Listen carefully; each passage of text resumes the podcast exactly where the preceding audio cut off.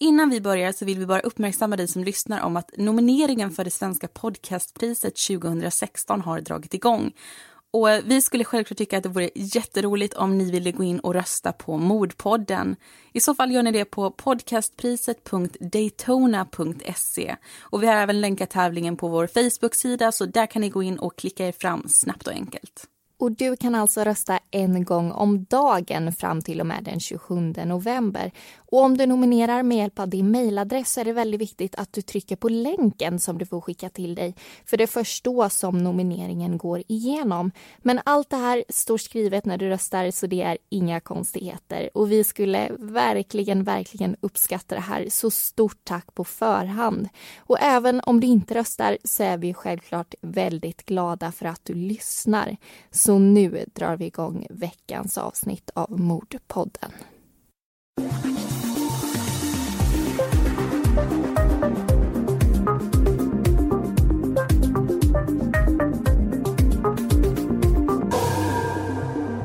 En söndagskväll i november 1994 mister en 15-årig kille livet i skånska Bjuv.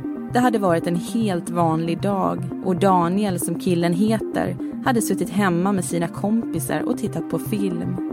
Under sommaren hade killen dock genomgått en stor fysisk förändring. Den runda kroppen är numera muskulös och vältränad. Hans huvud är rakat och glasögonen har bytts ut mot linser. Men förändringen uppskattas inte av alla och någon gör upp en plan för att sätta honom på plats. En brutal plan som personen nog inte ens själv vet kommer bli verklighet. Du lyssnar på Mordpodden. I säsong två tar vi upp mord som har skett i Skåne. I veckans avsnitt ska du få höra berättelsen om elevmordet i Bjuv.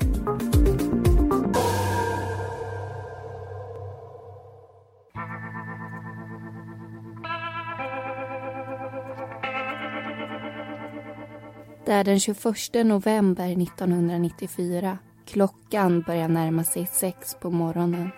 Vattenpölarna på marken skvallrar om att det har regnat kvällen innan. En lokalvårdare är på väg till sitt arbete på Varagårdsskolan i Bjuv. Det är fortfarande mörkt ute. Hon tar samma gamla vanliga väg som hon gör varje måndag. Vägen inkluderar en häck som hon går igenom och en gräsmatta hon sneddar över. Men trots att hon går den vanliga vägen så är det långt ifrån en vanlig måndag. Det förstår hon när hon kommer fram till högstadiebyggnadens norra gavel. Det är inte den trasiga bänken som får henne att trycka till. Den har stått där länge och brukar användas av elever som tjuvröker. Men vid sidan av bänken sticker någonting fram. Två ben. Intill husväggen ligger en livlös kropp. Kvinnan blir rädd och springer in i skolbyggnaden där hon träffar två kollegor. Hon berättar om den hemska synen som mötte henne på skolgården.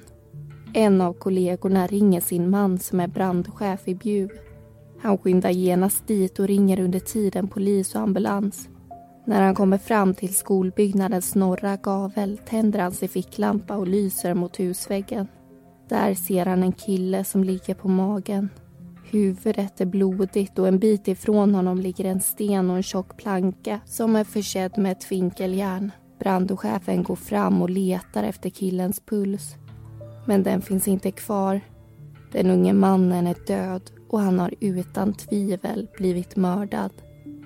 Polisen kommer till Varagårdsskolan och platsen spärras av på en gång innan det är dags för eleverna att påbörja sin skolvecka. En polisman blir så illamående av synen som möter honom att han tvingas gå därifrån och kräkas. Skolans vaktmästare har träffat på de flesta eleverna så han hämtas dit för att förhoppningsvis kunna identifiera offret. Personen som ligger på marken har vaktmästaren träffat på i stort sett dagligen under tre års tid. Men skadorna är så omfattande så han ser inte vem det är. Så småningom strömmar också eleverna in. De möts av poliser och avspärrningar. Det tisslas och tasslas i den avlånga korridoren om vad som kan ha hänt. Rektorn kommer in i ett av klassrummen och beordrar eleverna att inte titta ut genom fönstret. Ungdomarna börjar istället titta runt omkring sig och den som är uppmärksam ser att en person saknas.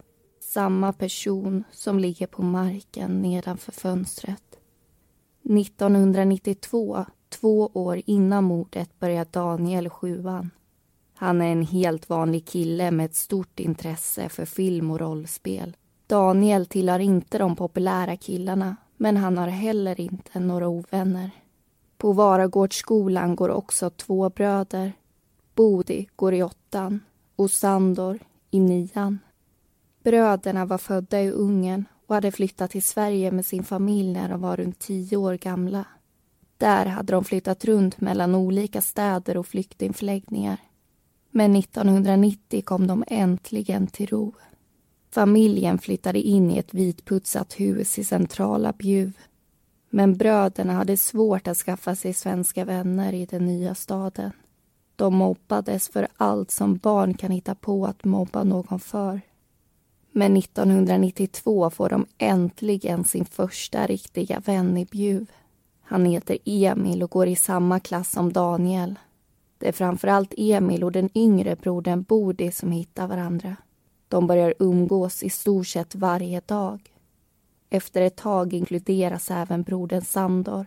Men bröderna börjar snart hitta på bus som så småningom leder till kriminella handlingar som Emil inte vill vara en del av. I åttan vänder han sig därför till klasskompisen Daniel som är lugn och stabil. Precis vad Emil behöver. De två killarna kommer bra överens från första stund. Snart blir de vänner alla fyra. Daniel, Emil, Bodi och Sandor.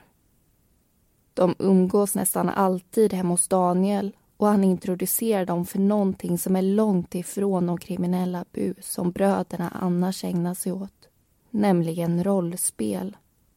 Först är de skeptiska och tänker att det här kan väl inte vara roligt. Men Daniel övertalar dem att testa och redan efter första gången är de fast. Favoritspelet blir drakar och demoner. Spelet går ut på att lösa olika uppdrag. Varje spelare har var sin mystisk varelse med speciella egenskaper som det gäller att använda på bästa sätt. Det är sen en tärning som avgör om spelaren lyckas lösa uppdragen eller inte. Bröderna är glada och tacksamma över att Daniel har öppnat upp dörren till sitt hem för dem. De har hittat en ny vän. Men vänskapen skulle 1994 få ett otäckt och abrupt slut.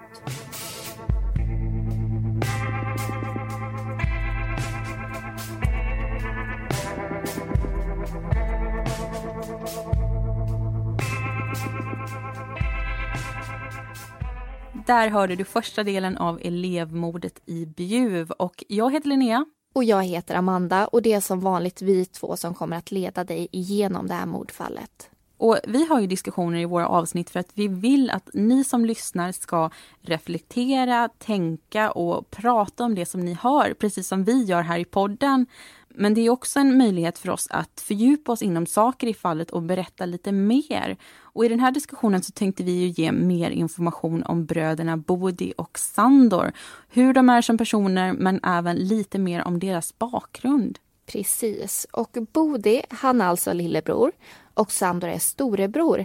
Och det skiljer bara ett år mellan dem. Men när man tittar på deras egenskaper och hur de är som personer då skulle man faktiskt kunna tro att det är precis tvärtom. För de är ju väldigt olika till sättet. Ja, Bode är ju den som är mest utåtriktad. Han tar plats, han är impulsiv. Sen har han också väldigt höga tankar om sig själv, tycker att han är smartare än de flesta andra och så.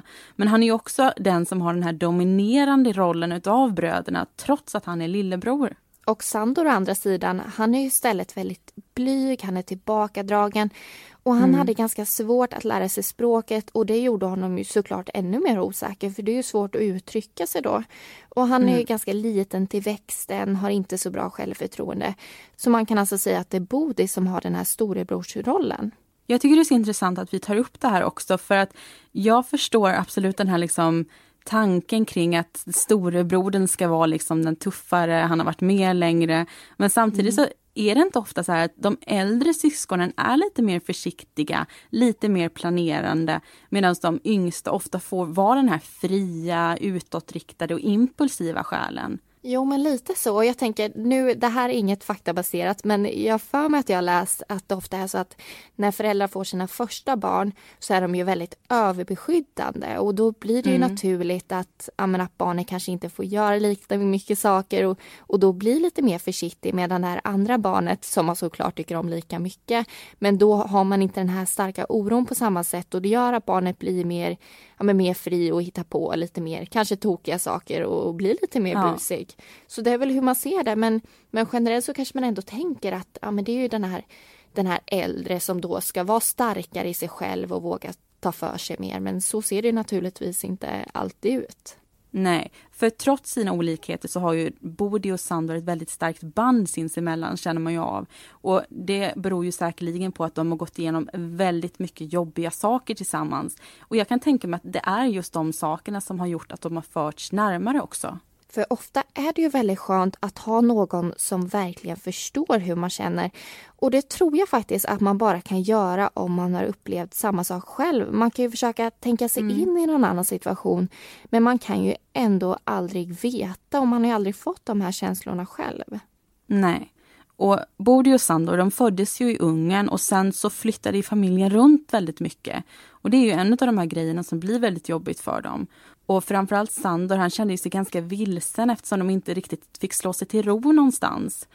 Och då får ju de här bröderna inte riktigt den här tryggheten som barn behöver. Och det här fortsätter ju också när de kommer till Sverige. Ja, och de åker ju då till Sverige 1988 hela familjen. Men grejen är att Bodil och Sandor, som då är 10 och 11 år, tror att de bara har åkt dit på semester. De har alltså ingen mm. aning om att de faktiskt ska bo där. Så det blir ju såklart jobbigt för dem när de inser att de inte kommer komma hem till Ungern igen, till sitt land och till sina vänner och, och det som de är bekanta med. Och i Sverige så slussas de ju fram och tillbaka mellan olika kommuner, olika flyktingförläggningar. Så de känner sig inte hemma här heller. Men Nej. till slut så får de ju lite mer av ett hem när de flyttar in i ett riktigt hus i Bjuv. Men där kommer en ny utmaning. Skolan pratar jag om då. Mm. För de har väldigt svårt att komma in i sina klasser, de får inga direkta vänner och de blir till och med utsatta för mobbing. Så de är ju väldigt ensamma men har då varandra att luta sig mot och där kommer vi in på det vi pratade om förut. Och mm. hela den här snurriga karusellen är troligtvis orsaken till deras starka band. Ja, för när ingen annan finns där för dem så finns de ju alltid där för varandra. Men de börjar ju ägna sig åt bus, kan man väl kalla det till en början. Men tyvärr så blir de här busen bara värre och värre. Ja, de börjar sno saker, de gör inbrott i bilar, sprayar graffiti på skolan och startar små gräsbränder. Och de märker ju ganska snart också att när de gör de här sakerna så får de lite av en kick av det. De, de gillar ju det här och det blir ju som sagt bara värre och värre. Men innan vi nu avslöjar för mycket så är det dags att mm. återgå till berättelsen. Vi ska nu få reda på vad som hände i november 1994.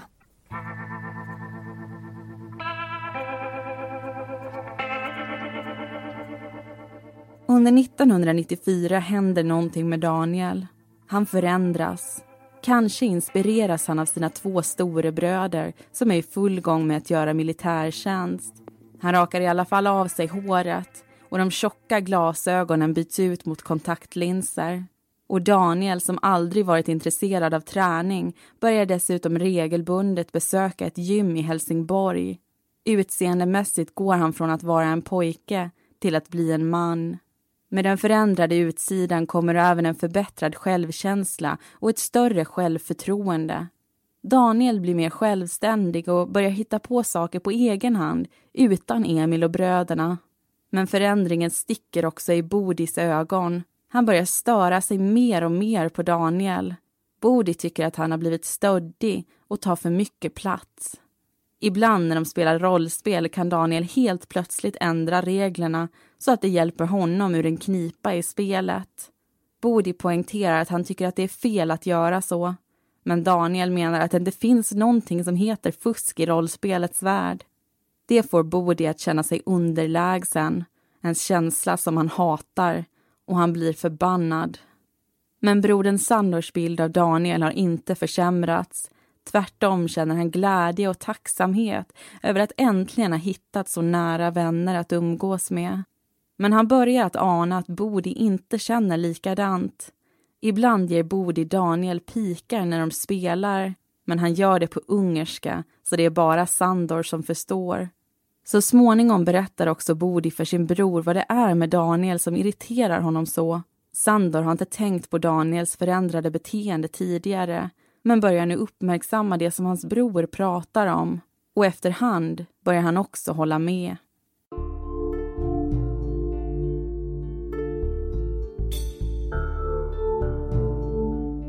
Samtidigt som Daniel mår allt bättre börjar bröderna må allt sämre.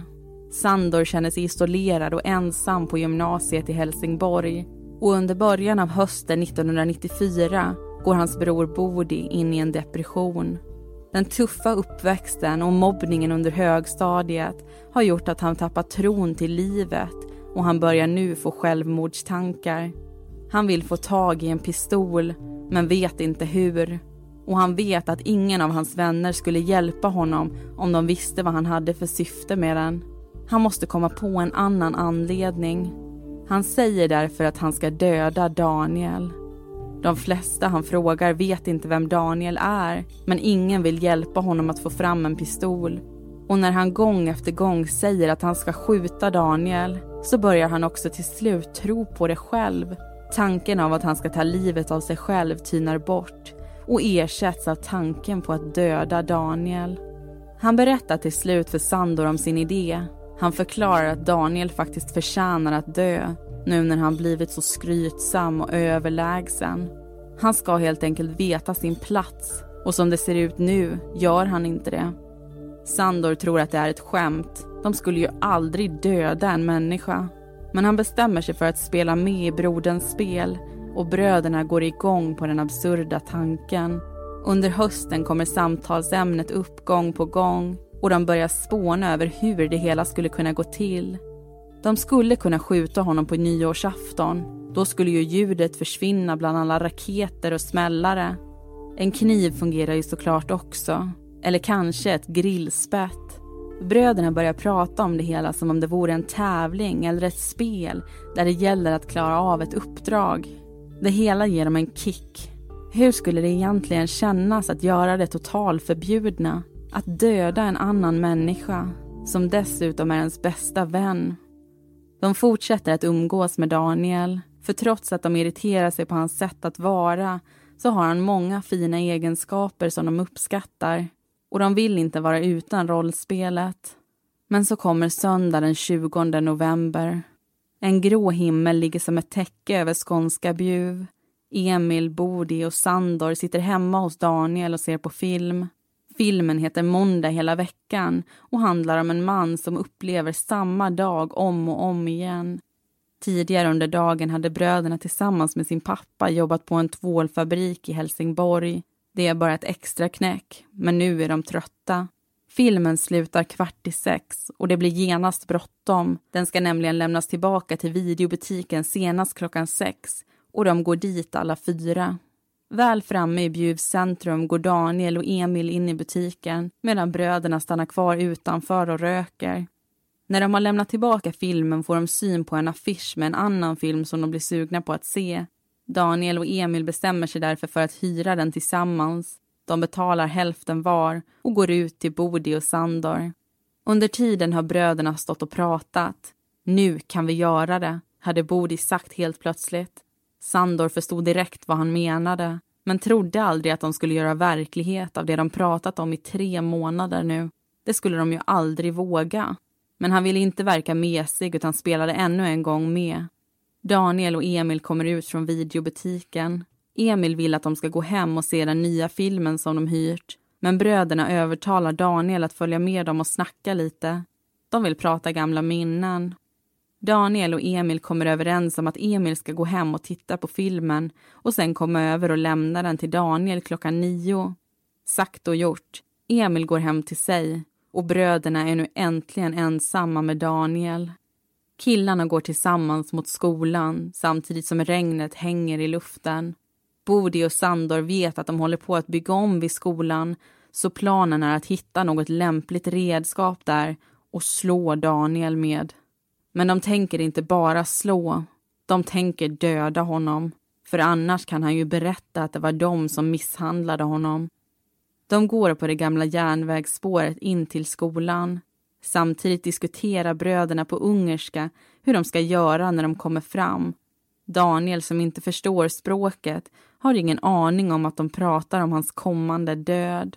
När de kommer fram till skolan går de till den norra gaven och Bodi och Sandor tänder varsin cigarett. Den yngre brodern får syn på en stor sten och en planka som är försedd med ett vinkeljärn. För att även få Sandor att uppmärksamma de lämpliga redskapen säger han sten och planka på ungerska. De står en stund och pratar, men när de rökt klart säger Bodi att han vill visa Daniel någonting. Men det är en överraskning, så han måste blunda. Daniel vill inte blunda, så Sandor håller för hans ögon med sina egna händer. Bodis plan var att sparka honom så han tappade andan. Men Daniel står på ett sånt sätt att det inte går. Bodi bestämmer sig då för att hämta plankan på en gång.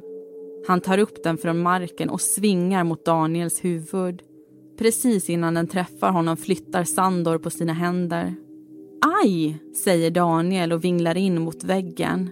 Men mer än så hinner han inte reagera innan Bodi slår honom en gång till samtidigt som han säger “surprise”. Någonting han i efterhand har berättat i förhör att han tyckte var ganska fyndigt. Daniel som krypit ihop in till husväggen ställer sig plötsligt upp och Bodi får känslan av att han tänker fly därifrån. Han fortsätter därför att slå sin vän med plankan men snart väljer han också att lägga undan redskapet och använda knytnävarna istället. Han fortsätter tills han hör Sandor ropa “Backa!” Den äldre brodern har varit och hämtat den stora stenen de fått syn på när de stod och rökte. Och när Bodi flyttar på sig kastar Sandor den tio kilos tunga klumpen med all sin kraft mot Daniel som faller ihop till marken.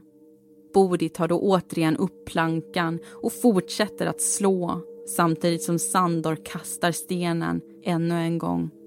Efteråt vill de försäkra sig om att han verkligen är död och Sandor tar därför av sig sin vänstra handske och letar efter Daniels puls. Han känner ett svagt pulserande och kastar stenen en sista gång. Därefter lämnar de platsen Sandor sköljer av sitt ansikte och tvättar sina glasögon i en vattenpöl i närheten. De inser också att de har fått blod på sina kläder. Så kan de ju inte komma hem. De går därför till ett hyreshus i närheten och lyckas ta sig ner i källaren och in i tvättstugan som till deras förtjusning är olåst. På bänken har någon glömt kvar sitt tvättmedel. Bröderna börjar därför med hjälp av det och vattnet att rengöra sina blodiga kläder. Men när de står där och skropar så kommer en man in genom dörren och frågar vad det är de håller på med.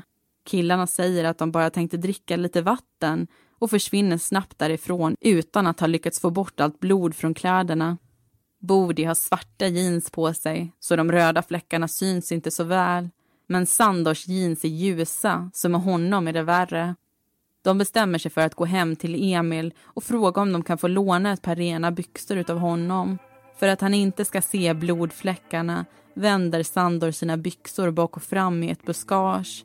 Emil får ju självklart inte misstänka att de precis har mördat deras gemensamma vän.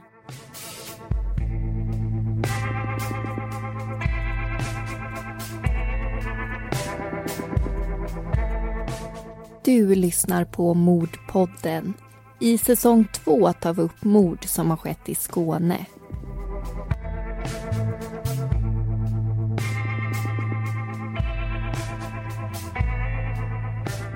Där hörde du andra delen av elevmordet i Bjuv. Och I förra veckan om flickmordet runt Kristianstad så tog vi ju upp den här debatten kring filmer med våldsamt innehåll och hur det kan påverka en person och bidra till att den blir mer, mer våldsam. Och det fanns ju lite delade meningar kring det, men i det här fallet så är det ju en annan sak som hamnar i fokus och det är ju rollspel. Ja, för i det här mordet så är ju motivet minst sagt luddigt. Det är alltså en 15-årig kille som har blivit ihjälslagen utanför sin skola och alla undrar ju naturligtvis varför.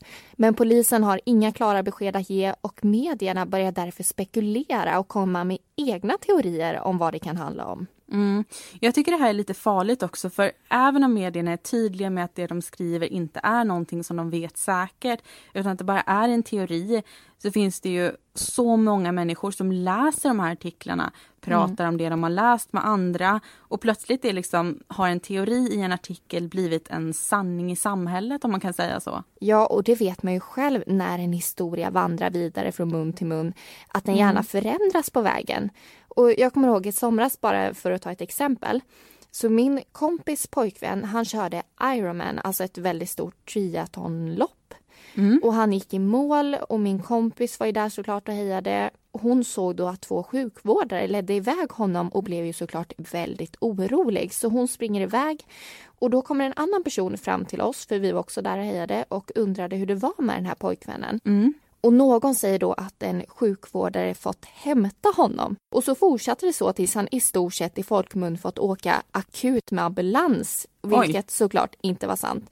Så i själva verket visar det sig att alla som går i mål tas om hand av personer på platsen som ska kolla hur de mår. Så det var ju alltså ingen fara man överhuvudtaget. Nej, och det är ju tur det, men jag anser ändå att medierna har ju ett ansvar. Alltså de bör ju vara medvetna om att det de skriver faktiskt får konsekvenser. Och det har ju inte minst du och jag fått lära oss när vi pluggade till att bli journalister. Att mm. vi vet ju hur viktigt det är att tänka igenom saker och ting innan man lämnar in en artikel för publicering. Och mediernas rapportering det får ju faktiskt väldigt stora konsekvenser och speciellt i det här fallet. Mm. För medierna la ju väldigt stor fokus på att killarna brukade träffas och spela rollspel tillsammans. Och det här kastade ju en svart skugga över egentligen hela rollspelsvärlden som i stort sett fick ta på sig skulden för att den här killen miste livet trots att det inte mm. hade med saken att göra, alltså överhuvudtaget.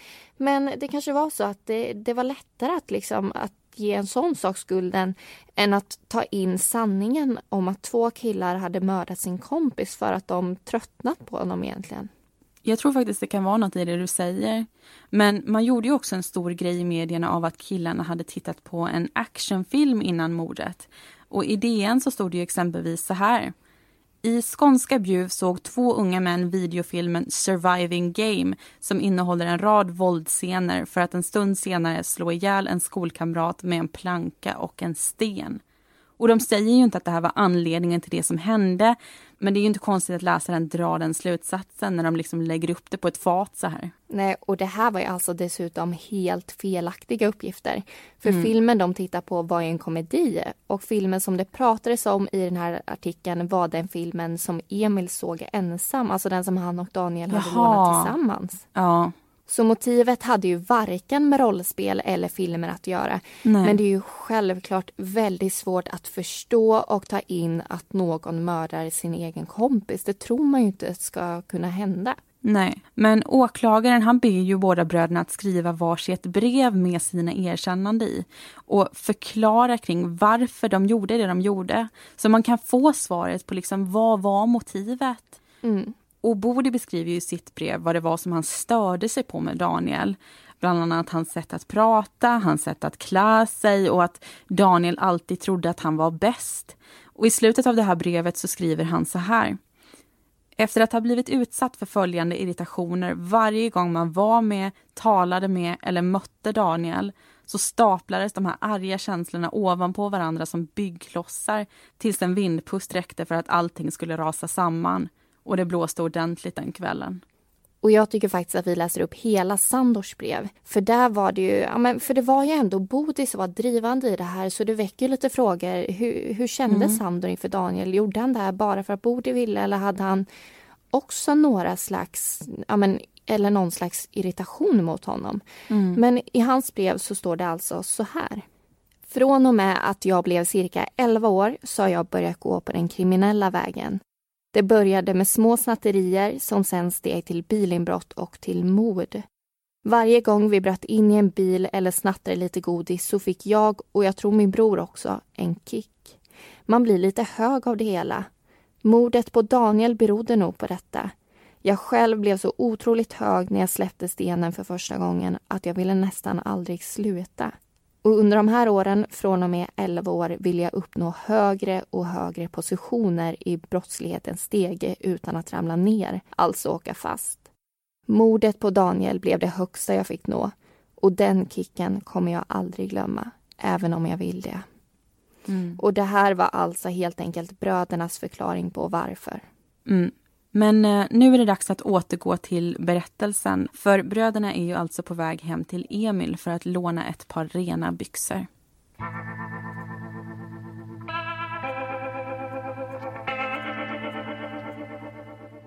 Emil sitter hemma på sitt rum på övervåningen och tittar på filmen som han och Daniel hade lånat. Men filmtittandet avbryts av att Bodi och Sandor stiger in genom dörren. Emil blir förvånad och frågar vad Daniel är. Bröderna säger att han har gått hem till sig.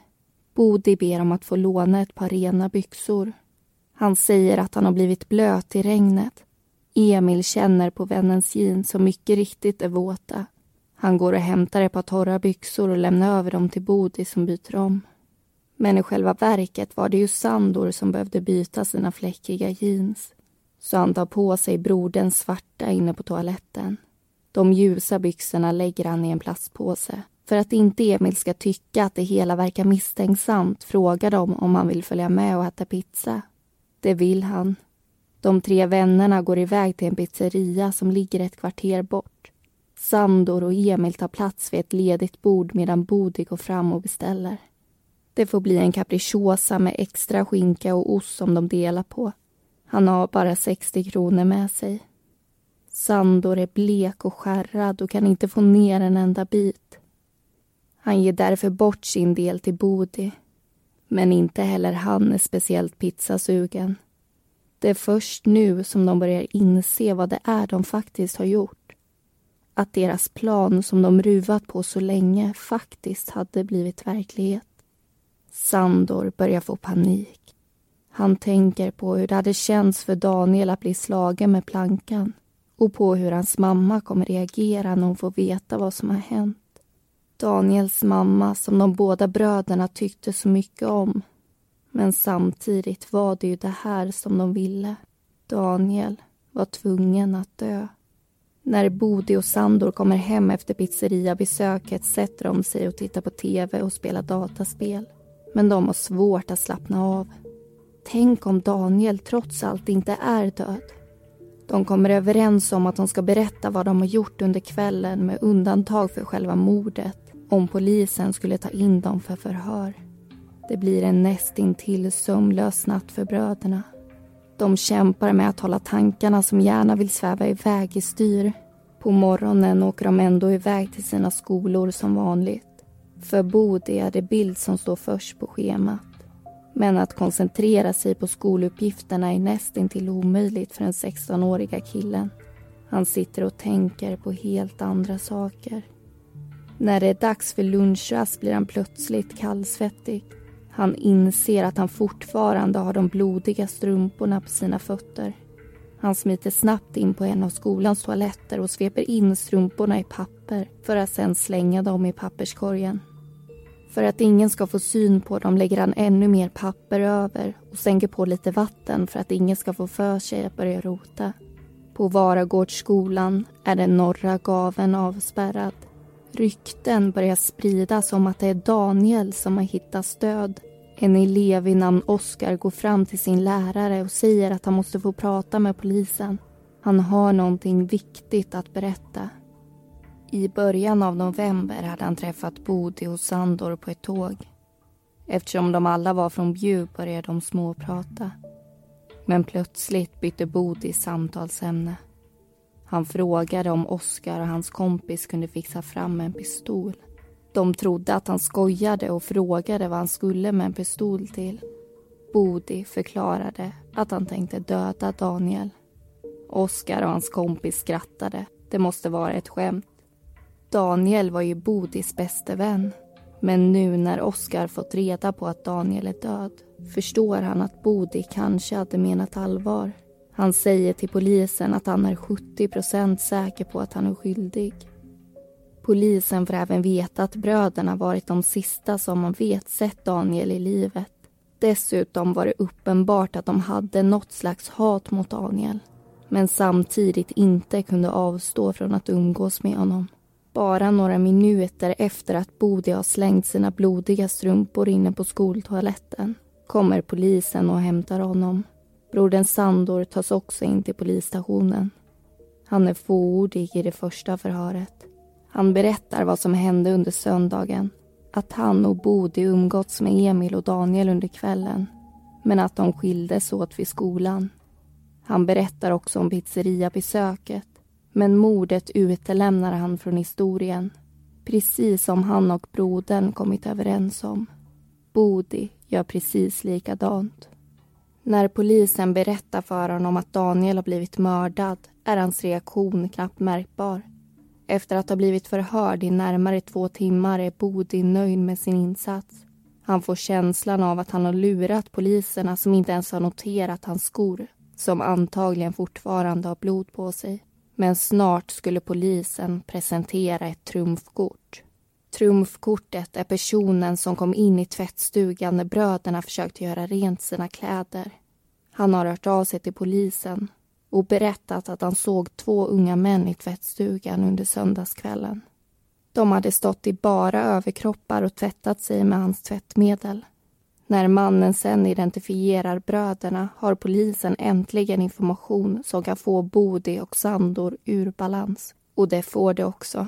Bodi får nu frågor om vart han och brodern hade gått efter att de sagt hej då till Daniel vid skolgården.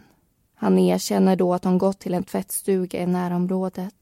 Men han påstår att de gick dit för att dricka och förnekar att de stått i bar överkropp eller tvättat sig. Polisen frågar Sandor samma sak som förnekar att de varit i tvättstugan överhuvudtaget. Han vet inte att Bodi precis har berättat om besöket. De hade glömt pratat ihop sig om den detaljen. Efter att polisen pressar dem allt hårdare med sina frågor går det sakta men säkert upp för Bodi att de inte kommer komma undan. På onsdagen erkänner han att de tillsammans planerat och genomfört mordet. På ett överlägset och självsäkert sätt berättar han hur det hela hade gått till.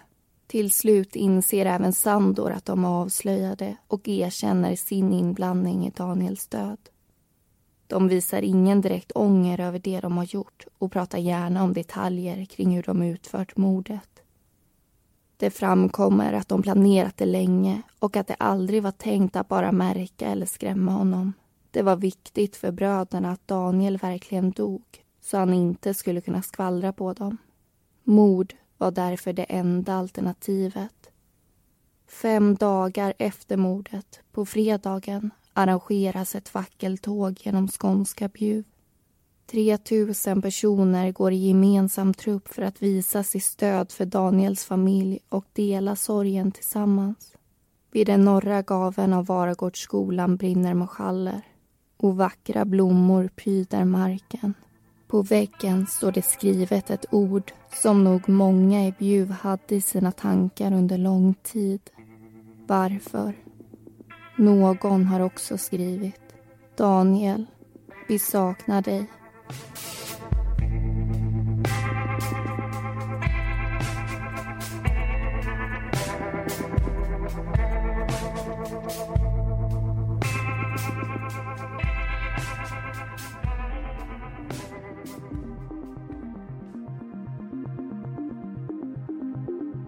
Helsingborgs tingsrätt dömde bröderna till sex års fängelse. Bodi och Sandor tyckte själva att de förtjänade att straffas för det de gjort och valde därför att inte överklaga domen. Och det var allting som vi hade att berätta om elevmordet i Bjuv. Alla personerna i berättelsen heter egentligen någonting annat och all information den är hämtad ifrån domar, förundersökningsprotokoll, böcker och artiklar. Nästa vecka åker vi vidare i Skåne och då ska vi berätta om lustmorden i Kristianstad.